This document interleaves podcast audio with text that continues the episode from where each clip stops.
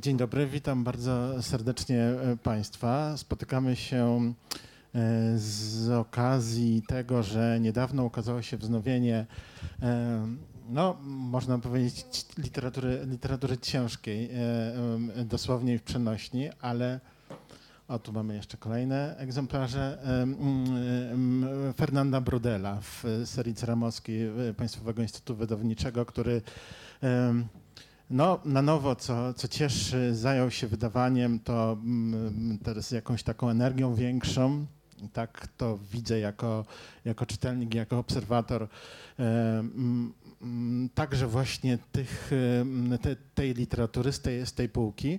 E, I, I postanowiliśmy zrobić z tego wydarzenia pretekst do E, zrobienia następnego wydarzenia, czyli do tego spotkania e, i zaprosić e, do rozmowy Barbarę Klich-Kluczewską. Z tego powodu bardzo się cieszę, bo przyjęła zaproszenie, jest tu obecna. Powitajmy ją brawami na sam początek. Mamy plan taki, że porozmawiamy mm, pewnie godzinę. Będzie to mm, rodzaj takiego E, wprowadzenia komentarza. My, przepraszamy z góry, jeśli będziemy mówić o rzeczach e, nazbyt oczywistych, ale pomyśleliśmy, ponieważ zwracamy się też do osób, które oglądają nas w sieci, które obserwują często to, co się dzieje tutaj w e, księgarni, żeby przypomnieć w ogóle i wprowadzić w taki nieco szerszy obieg Brodela na tyle, na, na ile się uda. To jest postać bez wątpienia też e, ciekawa pod e, wieloma względami. Ja dla porządku tylko e, powiem, urodził się w roku 1902, zmarł w 1905 bardzo zdolny, w 1985 bardzo zdolny, chciał zostać lekarzem, po studiach uczył w Algierze i, i jak sam mówił, okres ten zalicza do najciekawszych e, w swoim życiu. E, potem uczył w Paryżu, w São Paulo. W roku 1937 powołany na stanowisko e, profesora w instytucji badawczej pozostającej, no ale tutaj to pewnie zaraz, zaraz się, się dowiemy, poza konserwatywnym systemem francuskich działaczy. Mm, miał pisać, pierwotnie miał pisać y, bodaj doktora do Filipie II, ale mm, jeden z ważnych ważne, e, wa, ważnych osób dla, dla tej naszej też rozmowy, Lucien Fevry, namówił go, żeby bardziej się skupił na Morzu Śródziemnym. E, powstała w ten sposób praca, także znana w języku polskim Morze Śródziemne i Świat Śródziemnomorski w epoce e, Filipa II. E, po wojnie za Marka Blocha objął kierownictwo między innymi sławnego pisma Anal. E, o którym się często mówi właśnie, że jest szkołą. Niektórzy twierdzą, że to jest właśnie niedobre określenie, bo, bo nie, chodziło, nie chodziło ani o szkołę, ani o doktrynę, że łączy ich wspólny bardziej duch myślenia. I w zasadzie od tego chciałbym zacząć. To znaczy, chciałbym, żebyśmy opowiedzieli o tym, co to było e, za środowisko jak oni traktowali historię, z czego, z czego czerpali.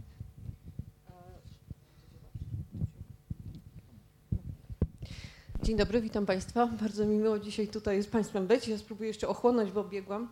E, e, z, e, dopiero przyjechałam z Warszawy.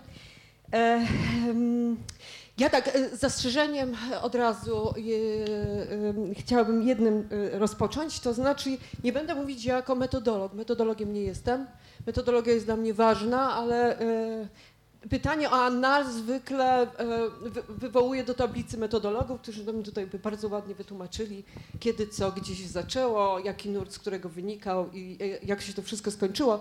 Więc ja e, może zacznę od końca w zasadzie. To znaczy ja chciałam powiedzieć dwa słowa o tym, jak, dlaczego ja tu jestem w ogóle. Tak? No bo niby dlaczego? Ja się Brodelem zawodowo nie zajmuję, tak? Nie, jest, nie, nie, nie napisałam jego biografii, nie zajmuję się historią e, totalną e, czy globalną e, w, w wydaniu brodelowskim, nie zajmuję się Morzem Śródziemnym, e, zajmuję się życiem codziennym także, więc tutaj może ta, ta łączność jest spora.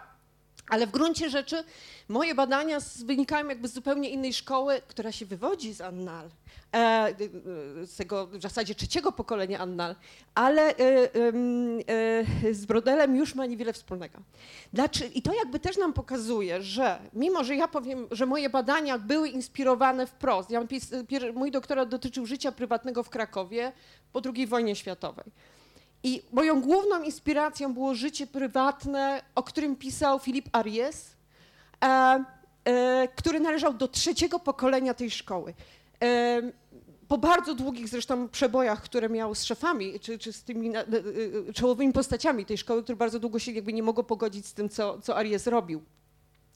Ale to nam też bardzo ładnie pokazuje, że anal, mówiąc anal, nie mamy na myśli jedno, czegoś bardzo jednolitego i to, czym zajmował się, jak pisał Brodel, już będzie miało mało wspólnego z tym, co pisał Aries, albo będzie wynikało z innego, zupełnie innego paradygmatu. O, bo tu jest bardzo ważne to pojęcie, że e, Annal nie, nie, niektórzy nazywają ruchem skupionym wokół tego czasopisma, inni będą nazywać właśnie e, miejscem czy środowiskiem, które zbudowało nowy paradygmat historyczny.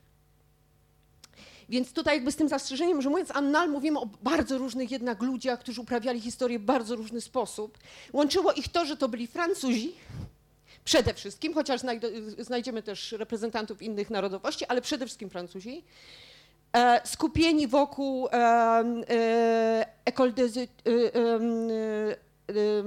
Enseignants Social, des Enseignants Social, E, najpierw to się nazywało szósta sekcja, e, a później w 1975 roku zostało to przemianowane właśnie na École des études enseignement social.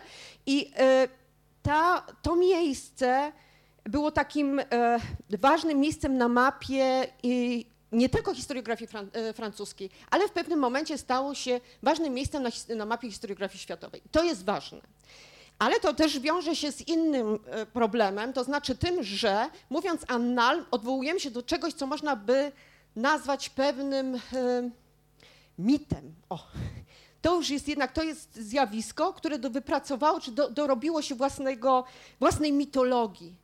Więc e, czytając, kiedy Państwo będziecie dzisiaj czytać rozmaite opracowania dotyczące e, e, annal, E, czyli i tego czasopisma, ale w zasadzie to nie tylko to czasopismo, ale ty, ci wszyscy ludzie, którzy wokół tego czasopisma i wokół szkoły byli skupieni i jakoś tam byli z nim powiązani, to, to e, e, musimy pamiętać o tym, że znajdziemy i wielkich krytyków, którzy podważają znaczenie tej szkoły, jak i tych, którzy będą się trzymać twardo tego, tego twierdzenia, że Francja, że jak to jeden z historyków napisał, a Niemcy są, e, e, e, tak, Niemcy są znakomici gdzieś tam wojując na, w powietrzu, pozostali są świetni na lądzie, a Francuzi są znakomici, bo mają świetną historiografię. Więc to, to przekonanie, że Francuzi w latach 60. są potęgą historiografii w kontekście tego, jak dzisiaj historiografia wygląda, jest dla nas ważne. No i teraz co tu jest ważne ponadto? To, że szkoła Annal e, przewraca myślenie o historii, historiografii i e, o narracji historycznej do góry nogami.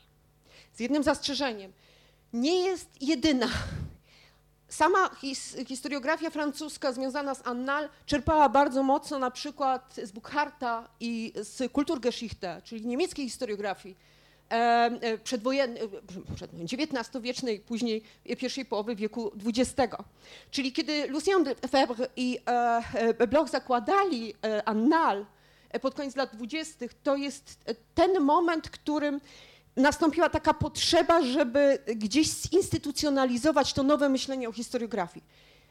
Czyli takie myślenie o historiografii, które zarzuca, i tu miał taki bardzo ładny cytat, jak go znajdę, to Państwu przeczytam o ile znajdę. Może nie znajdę. A która wyprowadziła historiografię z opłotków kronikars kronikarstwa polityczno-militarnego. Tak. Czyli e, rozwijając to zdanie, złośliwe bardzo, e, miała, zaoferowała nowe spojrzenie na historiografię, które nie miało być już kroniką, nie miało być zbieraniem faktów, nie miało być e, e, opisowe, o, deskryptywne, tylko miało zadawać dużo większe pytania. I przede wszystkim to były pytania nie o jednostkowe wydarzenia, o, jednost, o jednostki, to jednostka traci ogromnie na znaczeniu, ale o struktury. I tutaj przechodzimy do tego myślenia o e, e, historii w długim trwaniu. E, nie jest istotne dla analistów tego pierwszego pokolenia i następnie Brodella. Pierwsze pokolenie to jest właśnie przede wszystkim Feff i Bloch. Drugie pokolenie nadejdzie razem z Brodelem. Dla nich ważniejsze jest pytanie o e, serię i o struktury w historiografii. E, po drugie, ich, e, to ich myślenie o wielkich zmianach i fluktuacje, na przykład takim bardzo typowym dla nich przykładem analizy, która mi, mi się wydawała zupełnie obca, to była analiza cen, zmian cen, tak? to, jest, to było odkrycie tak, tego czasu. Zmiany demograficzne były ich konikiem. Przy czym to nie jest tak, że, że y, y, koncentrowali się na zbieraniu liczb i śledzeniu zmian tych liczb. Nie, za tym szły analizy y, szczegółowe ogromnych archiwaliów czyli też mieli na to czas i, to, i sama szkoła później założona, czy to ta, ta szósta sekcja i pieniądze, które Brodel, który był niesamowicie obrotnym człowiekiem, na te badania potrafił po prostu załatwić, powodowały, że oni mogli, mieli na tyle czas i możliwości finansowe, żeby te, te badania prowadzić. E, to ciekawe. Chciałem, żebyś trochę opowiedziała, jeśli możesz, e, o tej obrotności, ale nie, nie, nie, nie tyle dosłownie, ale o tym, jak wyglądała w ogóle jego, jego metoda. Gdzieś Gdzieś być może nawet we wstępie e, przeczytałem, że używał kamery filmowej i mm, potrafił robić ponad tysiąc e, kopii dziennie. Co jeszcze, jeśli moglibyśmy się teraz na Brodelu skupić i trochę wydobyć go z tego tła, mhm. co jeszcze charakteryzowało jego styl pracy? To tak jak mówię, on był, e, on potrafił po, jakoś połączyć e, e, badania, które doprowadziły między innymi do tego, do wydania, no tutaj książki akurat nie mamy, czyli, czyli tego ogromnego jego dzieła o Morzu Śródziemnym czasów Filipa, czyli już nie o Filipie, tylko o morzu. I hmm, to jest, to jest ciekawe jakby z perspektywy, ja może tu nie będę wchodzić w jego metodę badań, może wspomnijmy jedynie to, że e, on, e, kiedy pracował w tym liceum w, Al w Algierze, e, organizował sobie takie wycieczki, czy wycieczki, no to były research trips, to się teraz nazywa, do rozmaitych archiwów i zbierał masowo archiwalia. I później w czasie II wojny światowej, kiedy siedział w Oflagu, napisał Morze Śródziemne w zasadzie z pamięci. E, to jest coś, co mi przypomina mojego szefa osobiście, czyli pan profesor Echwalbe, który nam zawsze na seminarium powtarzał, że kiedy piszecie państwo swoje prace, to oczywiście pracowicie zbierajcie te fiszki, wtedy jeszcze były fiszki, pamiętam jak chodziłam na seminarium. Tak, jak najbardziej to musi być usystematyzowane, porządnie zrobione, ale jak zaczynacie pisać, to zamykacie je do szuflady. I to jest taka metoda, e, e, metoda rodem z Brodela, ale, ale Bloch też pisał w ten sposób w czasie wojny, przed śmiercią jeszcze w 1944. Czyli oni po prostu byli do tego zmuszeni, nie on jeden, polscy historycy też tak starali, sobie, y, starali się sobie radzić w czasie wojny i okazywało się później, że to była całkiem niezła metoda. To znaczy oni odrywając się od źródła, y, pisali y, świetne rzeczy i na przykład bardzo wielu historyków, jeśli mogę, to nie jest, to nie jest chyba antyreklama tej książki, ale Morze Śródziemne w tej swoim spojrzeniu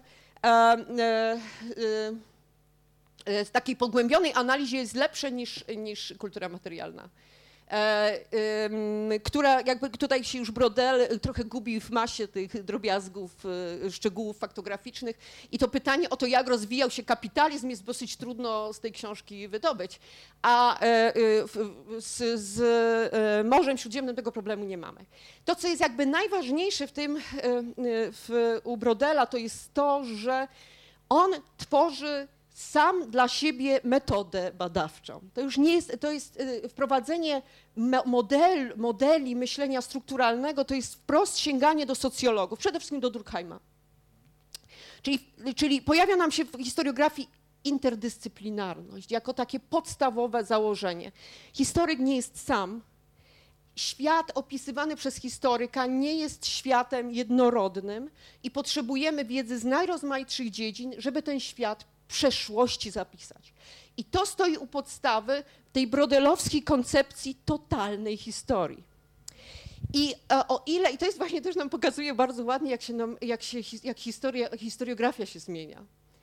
E, jak ja zaczynałam swoje badania tam pod koniec lat 90., e, około 2000 roku, to Brodel był passé. W ogóle ta ekonomi, ekonomiczna historia była passé mikrohistoria, ja przynajmniej tak to czytałam, że mikrohistoria, którą się wtedy zajmowałam, również e, e, była najbardziej fascynującym, fascynującą z możliwych historiografii. I teraz mamy zwrot. Odrzucenie mikrohistorii i wraca nam myślenie o historii globalnej. Historia globalna jest zupełnie na topie i nam się świetnie tutaj pojawia Brodel z tym swoim myśleniem o trzech strukturach. On to bardzo ładnie, bo u niego Morze Śródziemne jest nie tylko miejscem, którym on się zajmuje, to jest metafora czyli zajmuje się tym, co się dzieje na, na powierzchni tego morza, tymi falami, tak on to ładnie mówił, później tymi prądami, które się zmieniają gdzieś tam wolniej, ale też ulegają zmianie i tym, co w głębi, czyli tym długim trwaniem, co jest niezmienne dla niego. Czyli historią e, w takim e, wydaniu geohistorii, o można by to tak nazwać, historii społecznej następnie i na samym na samym e, jakby powierzchni tego morza to jest to, to, to jest to doświadczanie codzienności, ale również wydarzeń politycznych, etc., etc. Więc e, e, to, to, on miał bardzo głęboko prze, przemyślaną tę koncepcję, poza tym on bardzo dobrze pisze. Więc udało mu się to przełożyć na, na narrację historyczną. W tym, był, w tym był znakomity. I też to nam również pokazuje, jak Państwo będziecie do Brodela sięgać, E, to możemy pomyśleć, o Jezu, my, kto ma jeszcze ambicje pisania trzech tomów? Jak myśmy ostatnio przygotowywały z, znajomymi taki tom poświęcony historii kobiet po II wojnie światowej i dyskutowaliśmy o tym, czy trzeba zrobić cięcia. Książka ma 500 stron mniej więcej, napisana przez cztery osoby, no więc w sumie to nie aż tak dużo to amerykańska historyczka, która z nami to przygotowuje, powiedziała, Jezu Chryste, 500, kto to kupi? Tego nikt nie kupi. W ogóle no, tniemy to do 350 stron maksymalnie, żadnej twardej okładki, coś cienkiego, żeby ktoś to w ogóle chciał za te 35 zł, a nie 79 kupić. Więc jakby on jest niby nie na czasie, tak, dzisiaj, ale z drugiej strony u niego są takie rzeczy, które są zupełnie, jakby, w których może współczesny historyk ogromnie czerpać. I to jest na przykład kolejny wątek. Też jak Państwo się rozejrzycie w księgarni, to znajdziecie ekobiografię z Krakowa. Jest taki, taki tom, który wydali koledzy z, z Instytutu, który jest wyrazem nowej, niby nowej tendencji historiografii, to jest historia środowiskowa albo biohistoria, generalnie environmental history, tak to się nazywa. W Polsce mało znana, niespecjalnie się ludzie tym interesują, ale y, na Zachodzie bardzo, bardzo ważny trend w historiografii. Gdzie szukamy źródeł? W Morzu Śródziemnym też. Brodela, tak? Czyli jakby i ta historia globalna, i historia środowiskowa, można, można nazywać Brodela gdzieś tam ojcem tego podejścia. I to, co też y, historycy y, annal późniejsi będą robić, między innymi Emmanuel de Leroy-Ladurie, że, że tu się teraz nie za, zapowietrzę, e, e, on y, zaczynał, ja go znałam już później z Montaigu, z Wioski Heretyków, jego słynnej książki z lat 60., ale on zaczynał i pisał świetne książki w tym nurcie brodel, brodeliańskim, to się nazywa ładnie, e, e, o klimacie, o historii klimatu. Znowu, w długim trwaniu zmiany klimatu, tak? Więc nie on jeden, ale on jakby był tym nie ojcem założycielem, ojcem założycielem Anna jest zawsze Fewr i, e, i, i e, Bloch, ale jest bardzo ważnym takim dyrektorem, organizatorem, tak jak mówię. On, to, to co się działo, nie będziemy o tym później rozmawiać, więc może o pol, polskim kontekście tego, to, to, to może nie teraz. E, mówiłaś o, o, interdyscyplinarności, mówiłaś o socjologach, e, e, ale chyba nie padło tu jeszcze ta teoria gospodarka świat, gdybyśmy mogli no, o tym dwa trudne. słowa. Mhm, to nie jest mój, moja, mój konik, od razu mówię, nie znam się na tym jakoś specjalnie dobrze, ale ten e, to, to pojęcie gospodarki, w ogóle to przy, odwró odwrócenie się od gospodarki światowej do gospodarki świata, tak? Czyli, czyli na podstawie pewnych bardzo konkretnych przykładów pokazuje się pewne E, charakterystyczne tendencje, które się w gospodarce światowej, tutaj tej kapitalistycznej pojawiają. I to jest w tym trzecim tomie najbardziej, e, najbardziej e, mm, czy jest, jest głównym tematem tego, tego, tego trzeciego tomu który pokazuje pewien przekrój procesów gospodarczych świata, czy powinien pokazywać. Nie wiem, czy mu się to tutaj udało, ja nie jestem przekonana do końca, ale w jego wydaniu, jak Państwo otworzycie ten, ten, trzeci tom, to to, co zaskakuje również, i tu jakby jest też, y, y, można szukać źródeł takiej, y, czy, czy pewnej inspiracji, to jest myślenie kategoriami czasu i przestrzeni. Stąd też ta gospodarka świat gdzieś tam się pojawia. On się cały czas jakby posługuje, niekonsekwentnie może, ale przynajmniej w założeniach tymi, tymi pojęciami które e, mają tłumaczyć e, e, przekrojowe procesy gospodarcze, bo ta książka jest tak samo zbudowana, czy w intencji była zbudowana podobnie jak Morze Śródziemne Filipa III, czyli miały być te struktury wielkie i to są właśnie te, ta gospodarka, świat, ten, to spojrzenie totalne, globalne miało być, miało na, na tym poziomie mikro, miało być tą historią zdarzeniową niemal, tak? Tu jest odwrócenie. Życie codzienne to są takie rytuały, które nie zmieniają się przez, w długim trwaniu. To jest odwrócona, odwrócona tendencja. Później mamy tę specjalistyczną analizę ekonomicznych procesów w tomie drugim. I wreszcie w trzecim te najrozmaitsze przypad, przykłady, przypadki y, y, y, procesów gospodarczych w różnych krajach, tak, porównywane ze sobą. Mamy też ikonografię i ona też, też się pojawia, bo ona stanowiła dla niego również ważne, ważne źródło. To, to jest coś wyjątkowego dla historiografii? Czy to było wtedy coś wyjątkowego? To jak on, on też ją traktował? Znaczy wyjątkowe zupełnie nie było, ale to, że on, y, taka pogłębiona analiza y, źródeł wizualnych jest też bardzo dla, analistów y, specyficzna. Zresztą ona prowadziła dosyć, do dosyć takich czasami dziwnych, później już no, wynaturzeń to może za dużo powiedziane, ale Ograniczanie badań e, do e, analizy, to było u Ariesa bardzo wyraźne, e, czyli już później w latach 70., 80., on napisał taką książkę Historia dzieciństwa. Ona się też na rynku polskim pojawiła w, w takim dosyć przyciętej, w takiej przyciętej wersji. Bardzo dużo takich mm, mocnych tez było zbudowane jedynie na, pod, na, na e, analizie przedstawień portretowych. Więc można by polemizować, ale to, to też wskazuje na tym, z, z wieloma wnioskami w ten sposób e, tworzonymi, ale e, e, tak czy inaczej sama ikonografia była, miała, miała ogromne znaczenie, u niego też to widać, to, są, to nie jest tylko, to, to, jest, to są przede wszystkim analizy map na przykład, które e, ogromną e, rolę także w, tym, w tej w e, analizie geograficznej w Morzu Śródziemnym odgrywały. Mm, jak on, bo w zasadzie nie wiem, czy to powiedzieliśmy, jak on, ja, ja wspomniałem o tym, mm, Specjalnie to tak powiedziałem, bo myślałem, że zahaczymy o, o tej instytucji badawczej pozostającej poza konserwatywnym systemem okay, francuskich działaczy. Jak on, jak on wydobywał się tak też organizacyjnie i instytucjonalnie z tła on i, i, i całe to środowisko? Jak to było odbierane, jak to było odczytywane? Pytam cię zwłaszcza dlatego, że to jest bardzo ciekawe, że e, ty mówisz o różnych modach. To, to zwłaszcza jest ciekawe dla kogoś, kto nie śledzi um, tych przełomów historiograficznych. Mhm. Tak, to jest o ty, o, bardzo ważne pytanie, dlatego że my patrzymy często na historiografię francuską przez pryzmat annal. To znaczy, wydaje nam się, że cała historiografia francuska tak wyglądała, a to jest zupełnie nieprawda. I niektórzy powiedzą wprost, że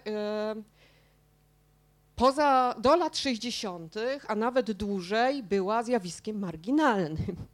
Czyli tutaj jakby punkt widzenia zależy od punktu siedzenia. W związku z tym, że polska historiografia była bardzo zainteresowana annal, polskie narracje na temat Annal podkreślały tą, tą, tą wpływowość, wpływowość tej, tej marki, nazwijmy to tak. Ale obok historiografii, którą nazywają także w polskim kontekście metodolodzy tak zwaną historiografią nieklasyczną, czyli właśnie odchodzącą od tej deskryptywności jednostkowych faktów na rzecz wielkich procesów i wielkich struktur. Ona się ogromnie wyróżniała i była ogromnie krytykowana przez najrozmaitszych e, przeciwników, można powiedzieć, tej, i Brodela, ale e, e, Luciana Lefebvre przede wszystkim.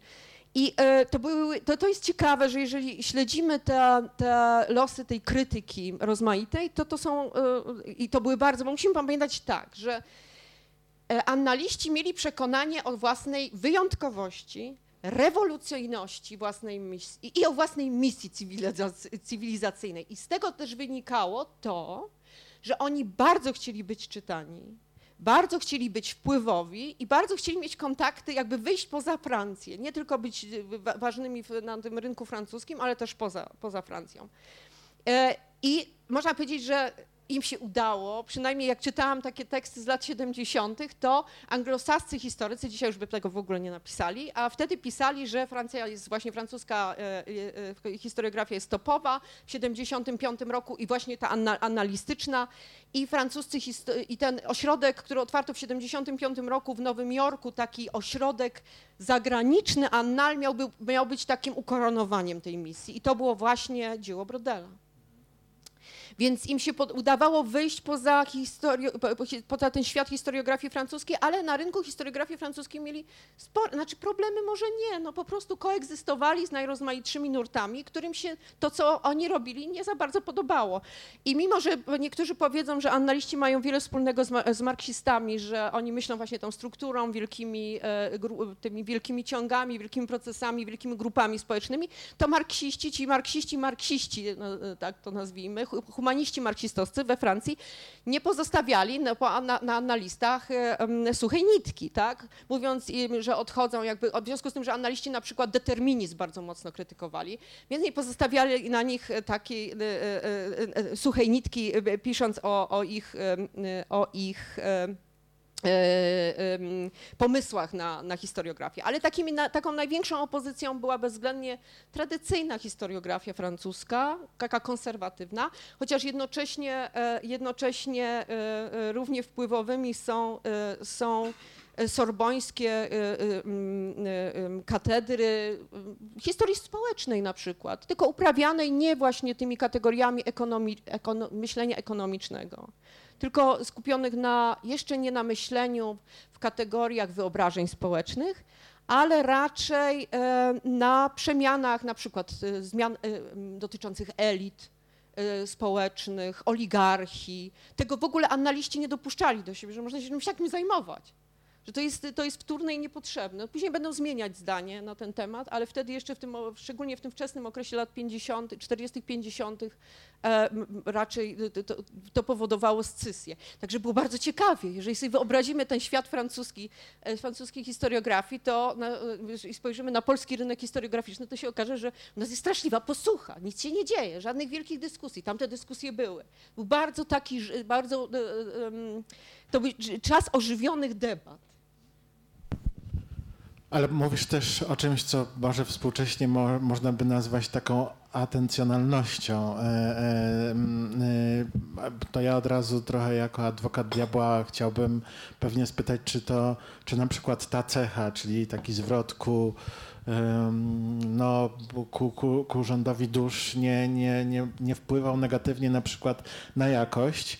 To jest takie pytanie bardziej szczegółowe i zaczepne, no a ogólne mogłoby brzmieć w ten sposób. Trochę już o tym mówisz zresztą, więc, mm, więc to nie jest nic takiego, to bardziej, bardziej do uzupełnienia, tylko mm, czy były ewidentnie słabe strony tej, tej, tej metody, te, te, tego środowiska? No były, bo później następne pokolenie przyjdzie i powie, że im się to w ogóle nie podoba, co Brodel robił. E, I, i e, najpierw e, może, może jeszcze o jednej rzeczy miałam wspomnieć, o ile mi to nie um- umknęłam. Coś miałam powiedzieć, a już zapomniałam. W, w każdym razie to trzecie pokolenie, kiedy przyjdzie, będzie ogromnie to podejście brodeliańskie krytykować. Dlaczego? No to było poniekąd oczywiste, bo w tych wszystkich analizach długiego trwania em, znikał człowiek. Nie było człowieka w ogóle jego doświadczeń osobistych, jego wyobrażeń świata i tego, co później będzie nazywane mentalnością, tak, również. No i jakby na bazie tej, tej krytyki wewnętrznej, czyli oni się sami ze sobą gdzieś tam wspierają, zmieniają zdanie również, e, w latach 70. i 80. Annal odejdzie od tych struktur zupełnie, czy nie zupełnie, no zawsze niektórzy będą się nimi zajmować, ale, ale e, e, będzie bardzo wyraźny zwrot ku czemuś, co z czym ja się czuję właśnie bardzo blisko związana, czyli e, e, inspiracją antropologicznym. Tak? I jeżeli sobie spojrzymy na to, jak właśnie Leroy Ladurie zmienił front trochę, to znaczy jego, ta, jego słynno, to ta jego słynna wioska heretyków, która jest w gruncie rzeczy, jak Państwo ją czytacie, nie wiem, czy ktoś z Państwa czytał, bardzo zachęcam, żeby spojrzeć do tej książki, to ona jest książką, to jest, to jest wycieczka antropologa do wioski XIII-wiecznej. Tak? I oczywiście można mieć mnóstwo zastrzeżeń, bo te książki zawsze budziły kontrowersje. I e, już e, na przykład e, ta kultura materialna Brodela nie miała tyle recenzji krytycznych, pochwalnych jak Morze Śródziemne, ale generalnie te książki były tłumaczone na bardzo wiele języków i był bardzo duży, duży odzew. Więc Le- Leroy Ladurie jest takim bardzo ładnym przykładem zwrotu ku antropologii historycznej właśnie. Czyli zadawania takich pytań, jakie zadawałby etnolog czy antropolog, który jedzie do wsi i pyta już nie o tym, jak ceny we wsi ostatnio, tak, i zbiera te dane, które by pewnie zbierał y, Brodel, ale oni zadawali pytanie e, o relacje małżonków, o wychowanie dzieci, o aborcję, e, o metody antykoncepcyjne. Jeszcze musimy pamiętać, że to jest, to jest po 68 roku we Francji. Tu się dużo, dużo dzieje. Ludzie zadają pytania, jakby też widzimy, jak historiografia zaczyna odpowiadać na potrzeby współczesności. To jest bardzo ładne. Takie. Zresztą to e, Lucien Febvre to powiedział, tak? że, że, że historiografia ma odpowiadać na pytanie, które, które nas współcześnie e, interesują. To jest naturalne. Tak? No to, to jest taki moment, w którym to tak jakbyś czytała tutaj mi w myślach, dlatego że to autor właśnie we wstępu, Jacek Kochanowicz, napisał takie zdanie, pytania, na które odpowiada Fernand Brodel, mają znaczenie dla zrozumienia nie tylko przeszłości, lecz i dzisiejszej e, rzeczywistości. Jak to rozumieć? A, tak, to jest e, trudne o tyle, że. e, to, znaczy, je- to, jest, to jest tak, że jeżeli będziemy myśleli o, tej, o, o historiografii w tych e, kategoriach totalnych, to, to e, te zmiany społeczne, e, społeczno-ekonomiczne w długim trwaniu pozwolą nam znaleźć swoje miejsce w, tym, w, tej, w tej transformacji. E, ja nie za bardzo wierzę w to, że historia nam, nas y, uczy czegoś, y, w ogóle mnie to jakoś nie przekonuje, ale y, jest ważna dla zrozumienia, bezwzględnie dla zrozumienia współczesności. I o, oni o tym, o tym byli, mm, jak myślę, głęboko, y, głęboko prze, przekonani. I, i e, też wpadali w pewną pułapkę, bo jeżeli nawet współczesne analizy metodologiczne, takie pogłębione prac y, mikrohistorycznych, to akurat nie dotyczy to Annal, tylko Ginsburga, włoskiego mikrohistoryka, pokazują, on był też bardzo politycznie zaangażowany, był taki lewicujący mocno i e, przeniesienie jego biografii na analizy tych tekstów nagle się okazują, że on w zasadzie konwersuje sam ze sobą poniekąd, tak? To znaczy szuka w tych e, E, On, on akurat e, badał e, źródła inkwizycyjne. Niektórzy powiedzą, że Francuzi to mają w ogóle świetnie, bo mają źródła inkwizycji, czy Hiszpanie i detaliczne mogą te, te, te, te, e, oblicze, przeszłe oblicze spo, społeczeństwa jakoś tam odtwarzać na tej podstawie. Ale on w tych e, miał, miał szukać, e, e, czy, czy te poszukiwania jego były refleksem tego, czego on doświadczał, czy jego znajomi doświadczali w latach 70., później w latach 60., więc to może być pułapka również. Czyli taka, takie przenoszenie własnego doświadczenia w przeszłość. To jest trochę niezgodne z, w ogóle z myśleniem antropologicznym, które mówi, że ten świat przeszły jest światem ludzi innych i których nie rozumiemy bardzo często na pierwszy rzut oka. powiedziałaś, że z, znika takie zastrzeżenie, że znika, znika człowiek, znikł człowiek. Nie chciałbym, żeby nam Brodel też znikł. Mówiłaś o tym, że on był obrotny, można powiedzieć, że miał charyzmę. Na czym polegał w zasadzie jego sukces? Jakie miał triki? Może tego moglibyśmy się nauczyć, bo to nie wszystkim znaczy, on się był udaje. bardzo, Podobno był bardzo otwarty na drugiego człowieka. W ogóle oni byli otwarci. I e, on był, może przykład dam, co to znaczy, że jeżeli, kiedy polscy prehistorycy przyjechali do, do, do Francji w 1956 roku, to była taka podróż zapoznawcza naukowa, y, zaraz po otwarciu jakby Polski na, y, się otwarciu się Polski na zachód i UNESCO zorganizowało takie spotkanie, to e, e, takim jednym z wykładowców czy, czy, czy, osób prowadzących to spotkanie był właśnie Brodel i później e, e, osobą najbardziej związaną z polskiej strony jest Annalbu Geremek. I on wprost, nie tylko on wprost, mówił, że on się po prostu z Brodelem zaprzyjaźnił. To był taki człowiek, tak? że on, z nim można było przejść na stopę przyjacielską, z nim i z Legoffem. I dlatego ten, też ten Legoff i, i Brodel, oni są takimi, e, takimi osobami, które w, bardzo często się w, we wspomnieniach pojawiają jako ważne, ważne osobowości. Oczywiście to nie jest, nie chodzi o to, że oni byli takim, takim e, e, przyjaciółmi do piwa. Nie, nie o to chodzi, tylko że jakby z, nie tworzyli takiej bariery on był zresztą no, tak bardzo lubiany, y, czy ceniony, lubiany przez polskich historyków, że zresztą przysłużył się też tym, że on, y, oni, czy szkoła fundowała y, bardzo dużo stypendiów dla polskich historyków. I my myślimy dzisiaj o historiografii tam PRL-owskiej, tak się to brzydko nazywa, bo takiej już w zasadzie nam tak odległej, można powiedzieć, i w ogóle. Ja, nie chcę tutaj złego słowa użyć Niedoceniona jest może ta historiografia, o tak to powiem, tak. E, tymczasem to byli znakomici historycy, których osiągnięcia są być może nieporównywalne z naszymi współczesnymi zupełnie. I, e, e, e czy nam należy je oceniać może e, zupełnie innymi kategoriami. I Brodel tutaj został zaproszony do Warszawy w 1967 roku i on przyjechał e, odebrać w związku z tymi wszystkimi jego zasługami dla nauki polskiej e, e, mm, odebrać ten, ten doktorat. I to było też jakby, znowu się bardzo często w tych wspomnieniach pojawia, pojawia się w listach, on koresponduje bardzo często, między innymi z Kulą, z Witoldem Kulą przede wszystkim. I Chociaż z drugiej strony, na przykład jak czytamy, e, e, e, czy mówi o tym czasem profesor Marcin Kula, syn Witolda Kuli, to mówi, że Polacy poniekąd zmarnowali swoją szansę w, w, Paryżu i we Francji, ponieważ przyjeżdżali tam, szli do archiwum i nie wychodzili z tego archiwum przez te parę miesięcy w ogóle. Zamiast nawiązywać kontakty, network, który się nazywa networking, networking, nie, oni przed, czy tam rozmawiać o metodzie, chodzić na seminaria, nie, oni siedzieli w archiwum i w ten sposób jakąś szansę swoją mieli zmarnować. No ale Brodel był tutaj, no on, on, on, y, jemu też bardzo zależało, ja może tak, przeczytam taki, taki tekst, specjalnie sobie włączyłam komputer, żeby Państwu to przeczytać, bo to też pokazuje, jaki był jego stosunek do, do drugiego człowieka. E, w tym, to jest przykład akurat jego wypowiedzi na temat kuli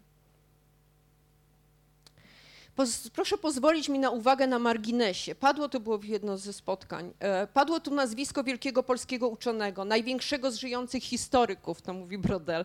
Niestety obecnie chorego Witolda Kuli. Jego książki zostały przetłumaczone na język francuski i włoski. Szczerze mówiąc, inteligencja Witolda Kuli znacznie przewyższa moją, mówi Brodel. A ale kiedy on mówi, jego myśli nie mają właściwego nagłośnienia. Kiedy ja mówię, jest wzmacniacz francuski, jak on to mówił, czasami trochę rozregulowany, ale jest. Dzięki niemu myśl francuska nabiera dodatkowego wymiaru, nawet wówczas, gdy nie w pełni na to zasługuje. Gdyby Witold Kula urodził się w Paryżu, a ja w Krakowie, sytuacja byłaby odwrotna i role o wiele sprawiedliwiej rozdzielone. To nam chyba coś o Brodelu mówi. E, Także on potrafił uwieść podobno.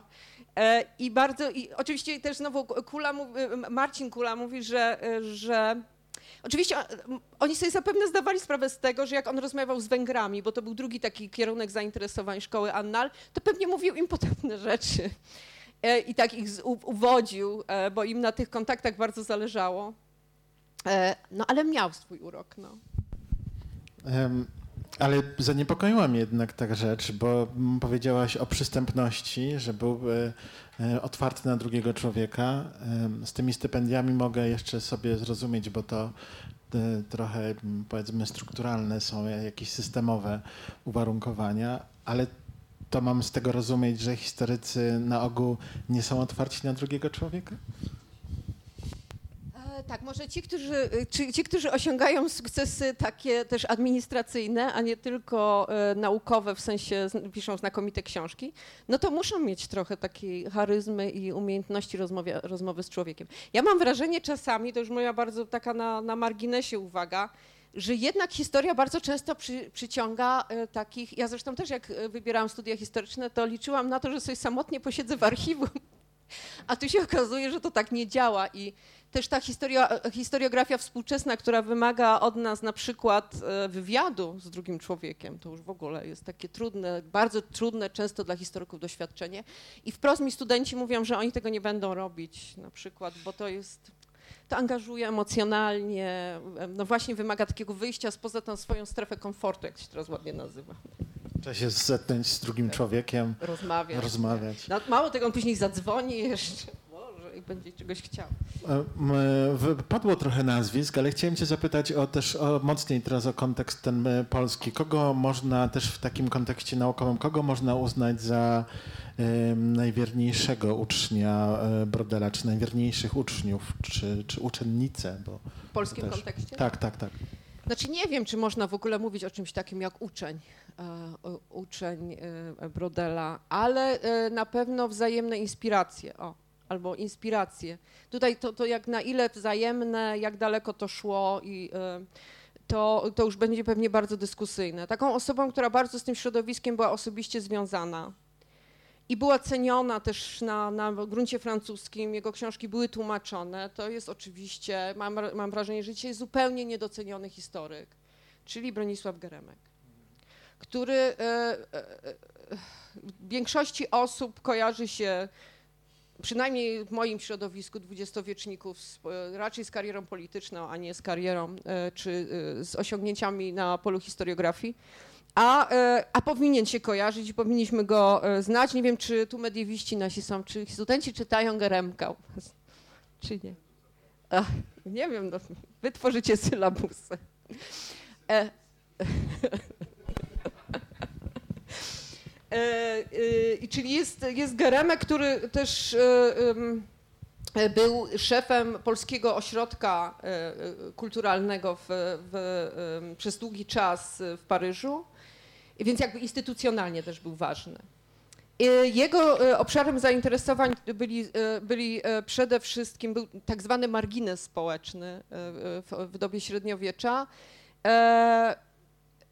Przy czym y, y, ta, ta, książka przede wszystkim o Paryżu była, y, była warta jest chyba wymienienia w tym miejscu. E, I jego książki były tłumaczone, to nie tylko na francuski, również na włoski czy na język angielski, więc Geremek był postacią rozpoznawalną i bardzo mocno się z tym środowiskiem identyfikował. Mieszkał bardzo długo we Francji i myślę, że no nie wiem, czy można by go nazwać annalistą. Może sam, nie, nie, chyba o sobie tak nie mówił. To jego zainteresowanie wykluczeniem zresztą jest bardzo ciekawe y, jako zjawisko i też jego przyjaciele, y, Karol Modzelewski na przykład, y, tłumaczyli jego zainteresowania już po jego śmierci tym, tymi obszarami badań, e, między innymi jego doświadczeniami e, gettowymi, jego doświadczeniami jako żydowskiego dziecka wykluczonego ze społeczeństwa wtedy, no, mało powiedziane. Tak. Więc um, um, bardzo szkoda i teraz jak o, o Gremku myślę, to myślę, że powinno być nam szkoda, że porzucił historię dla polityki, chociaż dla polityki to chyba było dobrze.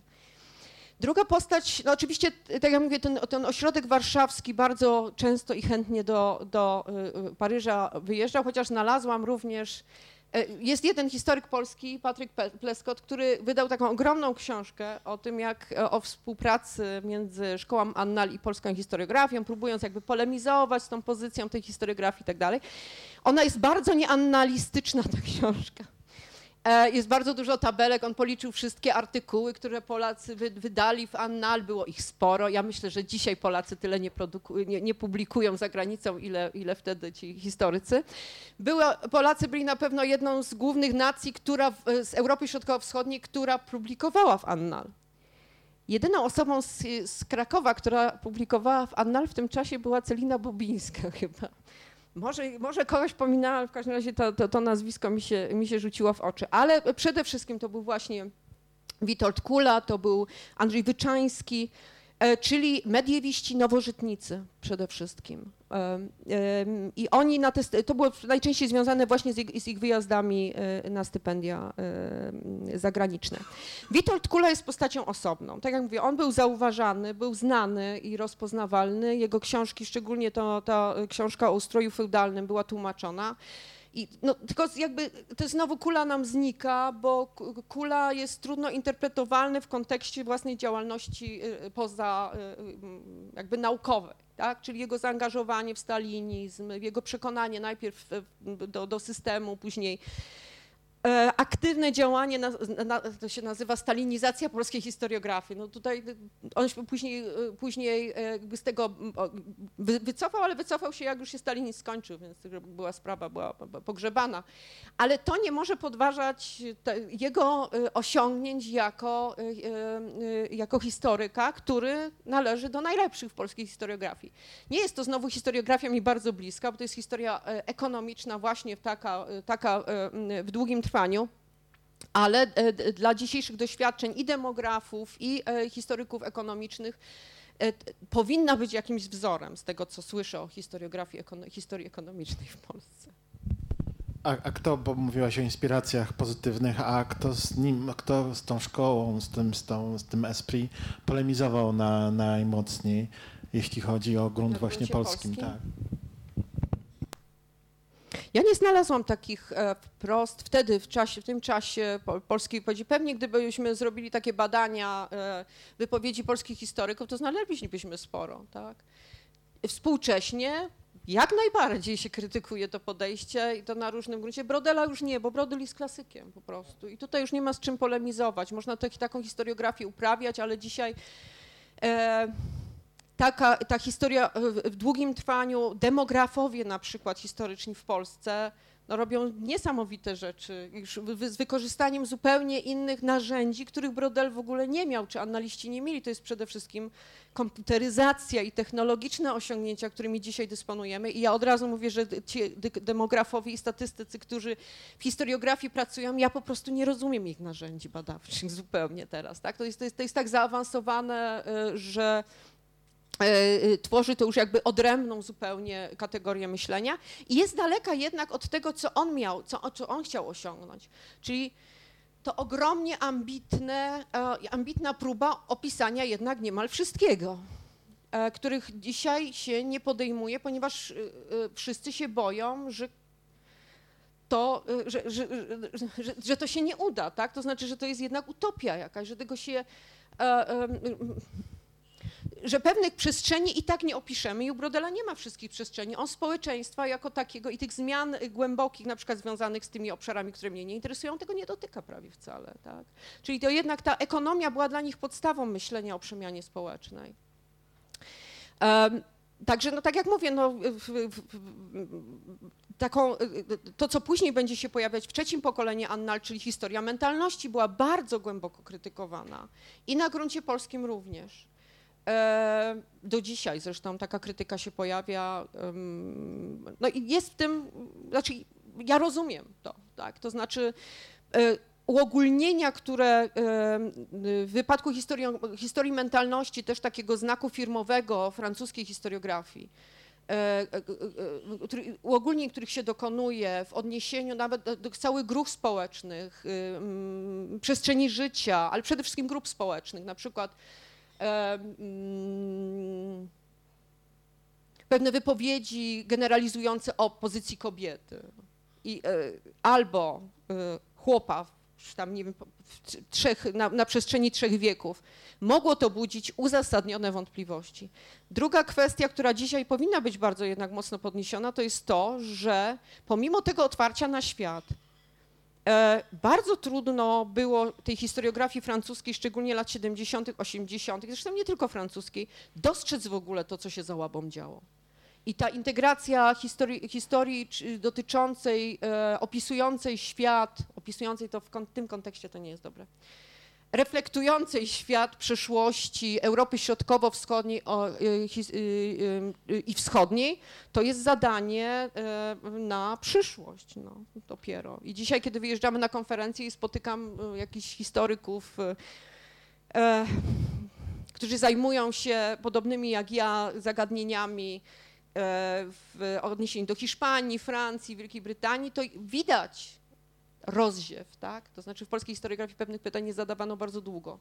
I ta potrzeba spojrzenia na e, Europę chociaż, jako pewną całość jest tutaj, jest tutaj ważna. Czyli jakby ten, i u nich tego nie ma. Jest na przykład historia starości, ale ta historia starości znowu się gdzieś kończy, tak przykro. Nie? No, jest historia życia prywatnego. Nie, nie, za bardzo mogę to w ogóle wykorzystać, tę historię życia prywatnego na zajęciach z Europy Środkowo-Wschodniej, bo tam jej nie ma zupełnie, tak?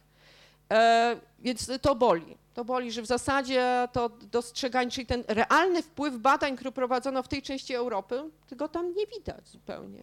Przynajmniej do pewnego, e, e, na takim poziomie globalnym. Ta globalna historia też brodelowska, ona jest, no, on jest oni są nadal euro, euro, europocentryczni. Tak. No, więc ten, ten rozwój kapitalizmu, też to jest pytanie, dlaczego kapitalizm, rozwój kapitalizmu nagle mu się w XVIII wieku kończy. To też był taki, taki element y, y, y, krytyki, krytyki tego, tego tekstu, czy tej książki, dzieła. O, może tak dzieło być. Bardzo, bardzo dziękuję za, za tę część, ale chciałem jeszcze się do Państwa zwrócić, bo może Państwo mają e, ochotę na e, dopowiedzenie, skomentowanie albo zadanie jakiegoś e, pytania. To jest ten moment, w którym jest to możliwe. Mhm. Ja będę z mikrofonem podchodził chyba. Tak będzie.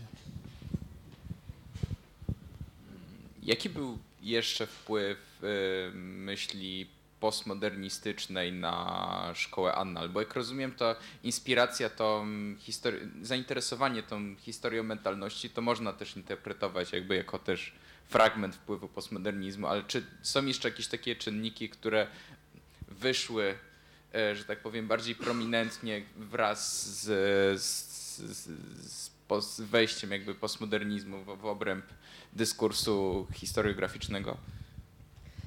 E, to, co ja wiem o annal i postmodernizmie, dotyczy lat 90.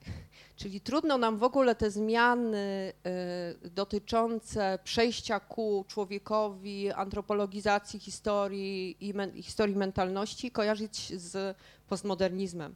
Ten postmodernizm e, dosięgnął szkołę annal bardzo późno, czy stosunkowo późno, już w takim no, trochę schyłkowym momencie. I on oczywiście spowod czy on spowodował z tego, takie, taką książkę, jak pan chce szczegóły poznać, napisał Tomasz Wiślicz.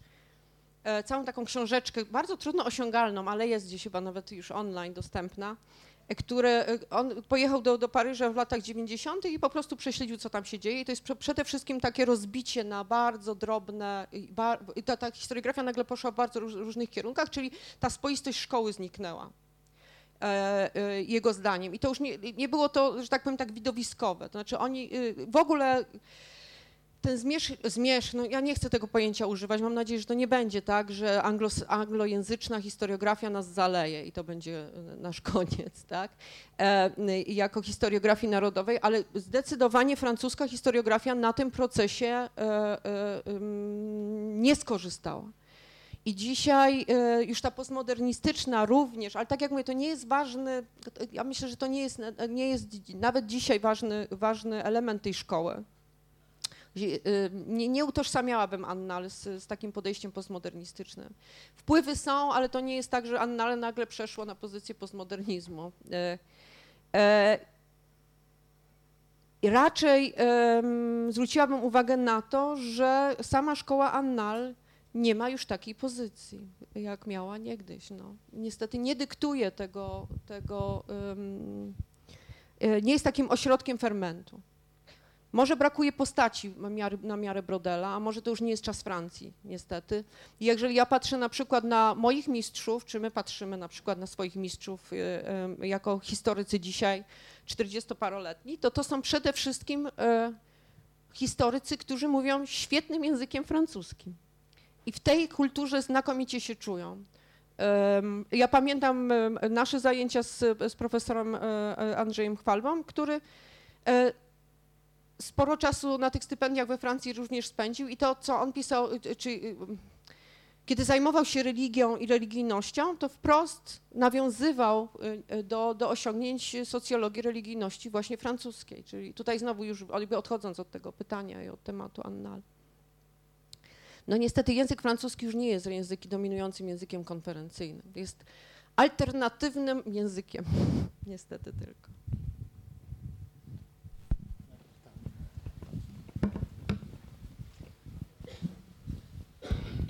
Ja mam w sumie takie trzy pytania i jedną uwagę do tego, co pani powiedziała. E, Pani powiedziała, że e, podejście Brodela jest takim trochę odejściem od e, człowieka. A jakbyśmy przeczytali pierwszy tom, to nikt chyba nie przedstawił kultury materialnej tak dobrze jak Brodel i życia codziennego, przeciętnego człowieka.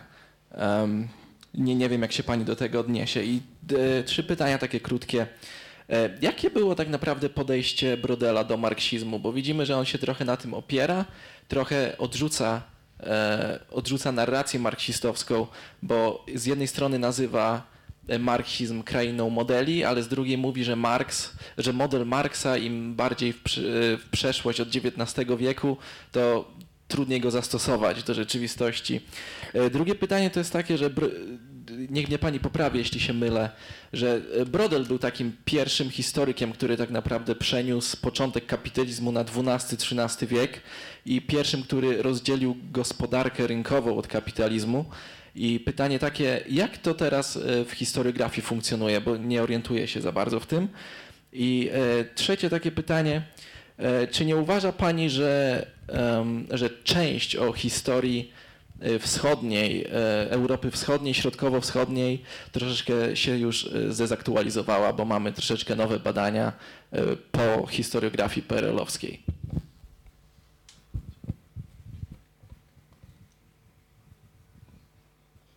Czy mógłby Pan powtórzyć to ostatnie pytanie, bo ja nie do końca rozumiem, o jakim kontekście Pan mówi. Tak, tak, bo e, e, Brodel oczywiście musiał się opierać na badaniach polskich historyków, jak pisał o Europie Środkowo-Wschodniej i Wschodniej, a jak wiadomo historiografia PRL-u no, była trochę spaczona tym marksizmem i teorią walki klas e, i od lat 90. e, nowe badania po prostu się pojawiły i mamy zupełnie nowe spojrzenie na przykład na relacje chłopa z panami dominialnymi i tak dalej. I to jest, y, czy uważa Pani, że troszeczkę to podejście się zdezaktualizowało i trzeba troszeczkę ostrożnie podchodzić do części o Europy Środkowo-Wschodniej y, w tym właśnie e, dziele Brodela? No trudne pytania. O to, jak się w tej chwili rozwijają badania nad gospodarką rynkową, a kapitalizmem, ja panu nie odpowiem, bo się po prostu zupełnie na tym nie znam i nie będę jako laik e, próbowała e, e, e, brnąć w, ten, w tę tematykę. Em, e, człowiek. Sam pan powiedział, to jest o kulturze materialnej, tak? E, I ta kultura materialna, to jest jakby pytanie o to, co jest e, e, może tak, zacznę od jednej rzeczy. Funkcjonuje coś takiego jak historia kultury materialnej w polskiej historiografii i to jest wprost inspiracja niemal e, tymi, e, mm, czy między innymi inspiracja tymi doświadczeniami, e, również francuskimi, ale nie tylko, bo można szukać takiej inspiracji również w dwudziestoleciu międzywojennym na przykład. Ale może tak, życie codzienne w wydaniu brodeliańskim, czy w ogóle życie codziennie w wydaniu francuskim, e, e, uwzględnia oczywiście myślenie o człowieku, ale wprost o tego człowieka nie pyta. I tu jest e, to podejście antropologiczne, które później tak e, e, tłumaczo, czy krytykowało podejście Brodela, wynikało z tego, że naczelne pytanie, które Brodel stawia w, tym, w tej y, książce, nie, nie dotyczy tego, jak doświadczał człowiek kapitalizmu i jakie, to, jakie są e, tego skutki dla, czy tych doświadczeń dla transformacji mentalności na przykład, wyobrażeń społecznych, to nie interesowało wprost. On przede wszystkim, jego przede wszystkim transformacja w skali makro interesowała, to jest makrohistoria. Człowiek jest oczywiście naturalnym aktorem tych zjawisk, ale nie jest podstawowym E, nie, nie, tego, nie, nie, o to pyta Brodel. Także znajdzie pan oczywiście mnóstwo przykładów i cały, cały, pierwszy, cały pierwszy tom dotyczący życia codziennego jest o człowieku, tylko że nie w takim sensie, jak to później, e, jak to później w trzecim pokoleniu Annal e, rozumieli, rozumiał Aries na przykład, ale również na przykład Legow czy Delimot. Oni, t, t, t, antropologia stawia człowieka w centrum. Dla e, Brodela człowiek nie jest w centrum. Jest zmiana świata w centrum jego zainteresowań. Także w tym sensie. Oczywiście tutaj, tak jak mówię, no, możemy tę książkę oczywiście czytać również jak, jako historię e, człowieka. E, nie wiem dokładnie, jakie były losy Brodela i jego relacji z marksizmem, ale jednoznacznie, przynajmniej w tych tekstach, które ja czytałam, odcinał się od modelowego myślenia. I to go uwierało. To go, zresztą to było przedmiotem e, tego sporu e, e, z, z, marksist, z marksistami, nie tylko historykami, nie tylko historyków dotyczyło, ale, ale myślenie, takie doktrynerskie myślenie o modelu, mimo że on sam modele stosował jednak to myślenie o tym morzu to było po prostu czy stosowanie tej kategorii struktury e, e, e, i serii, koniunktur, to są wszystko pojęcia, które zakorzenione w, ekon w ekonomicznym myśleniu i przede wszystkim w tym myśleniu Durkheima powodowały, że jednak ten model w tym badaniu się pojawiał. Ale ten doktry, myślę, że tutaj to, to podejście takie doktrynerskie było, było naj, najistotniejsze. No wiadomo, ta książka jest, ma, naprawdę to jest historyczne dzieło, w sensie historiografia jest historyczna, musimy pamiętać. I nic nie jest nam dane na zawsze. I nie tylko Europa Środkowo-Wschodnia, już, czy tezy na temat Europy Środkowo-Wschodniej zostały wielokrotnie podważone, czy pewne badania, którymi on dysponował, szczególnie właśnie w tej trzeciej części ekonomicznej, e, procesualnej, powinniśmy to czytać jako książkę jednak, no, jako część historiografii, część kultury, której żyjemy, tak.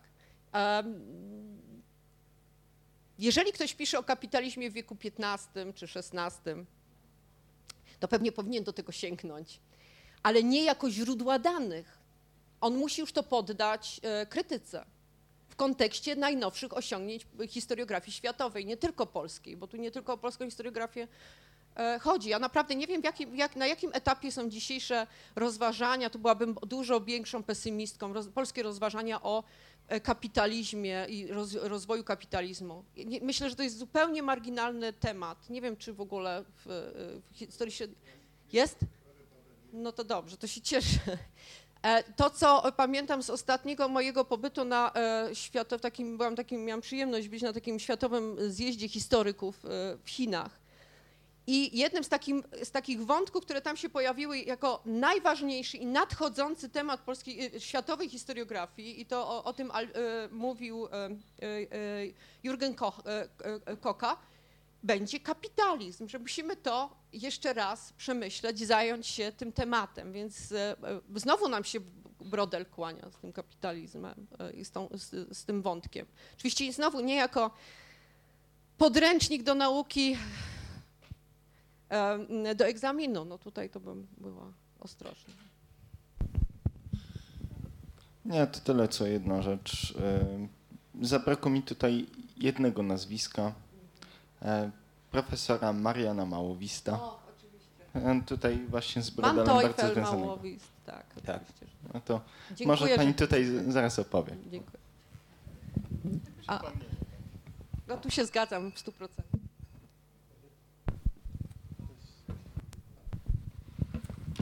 Mianowicie mi się wydaje, że jednak Brodel wyrastał wprost z marksizmu, chociaż się z nim y, spierał, dlatego że w zachodnioeuropejskiej historiografii podejście marksistowskie było często związane z ludźmi, którzy wyznawali dużo bardziej radykalny marksizm niż to miało miejsce nawet w PRL-u. Wystarczy spojrzeć na naszą stalinowską historiografię, a tym, co robił Topolski 10 lat po stalinowskiej historiografii. Koncepcję Topolskiego to był czysty rewizjonizm w stosunku do tego, co było jeszcze 10 lat wcześniej i Brodel był z tego punktu widzenia był takim samym marksistą jak Topolski, tylko Topolski nie udawał, że nim nie jest. To znaczy Topolski się wprost do tego przyznawał. A Mogę od razu adwoca? nie, zaraz ja skończę potem. Y, Natomiast, natomiast w, na zachodzie Europy często te starcia były dużo ostrzejsze, bo ci historycy, którzy się odwoływali do marksizmu, często wyznawali ciągle ten ortodoksyjny, powiedzielibyśmy bardziej leninowsko-stalinowski niż marksistowski y, model myślenia o, o rzeczywistości. Tylko tyle.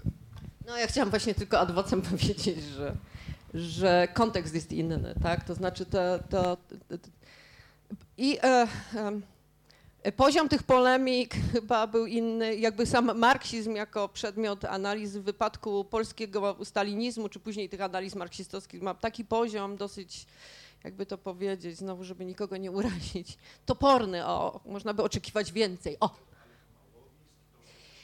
Okej, dobrze, ale w porównaniu z tym, e, w porównaniu z tym, jak, na, y, jak mm, może tu no, znowu złe, złe, złego słowa użyłam. Można oczekiwać więcej, to znaczy ten, te, te dyskusje francuskie, jak myślę, z tego znowu co czytałam, były gorętsze i dotyczyły takich fundamentalnych spraw. Myślę, że tutaj już tego sporu nie ma, tak? Jest taki spór w Polski? No w latach 50., tak. No, no. No, ale nawet po 56 roku. No, no właśnie.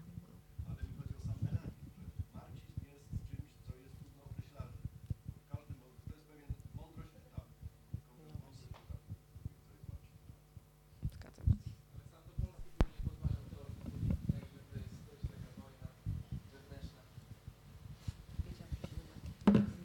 Em,